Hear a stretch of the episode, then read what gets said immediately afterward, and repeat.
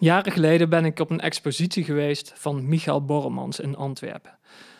Uh, dit was bij de Zeno X-galerie. Uh, daarna kwam ik op een citaat van Jan Hoed, ook wel de kunstpaus van België genoemd. Als we onszelf tot op het bot zouden kunnen doorgronden, zou er dan niet te veel mysterie verloren gaan.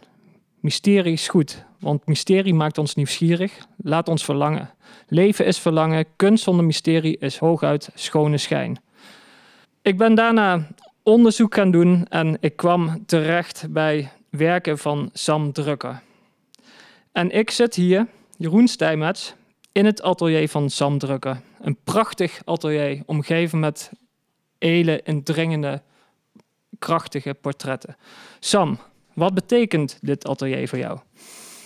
Ja, ik, uh, ik zou het mooi kunnen zeggen door te zeggen dat hier die mysteries ontstaan.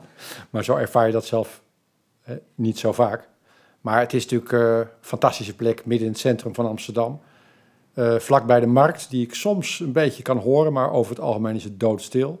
Ik kom hier s ochtends vroeg binnen, ik zet koffie, ik zet mooie muziek op en na twintig minuten ben ik verdwenen. Ja, dat uh, begrijp ik.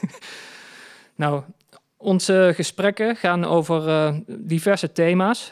De aanleiding van deze podcast is natuurlijk, een, is natuurlijk jouw overzichtstentoonstelling in het museum uh, Jan in Amstelveen.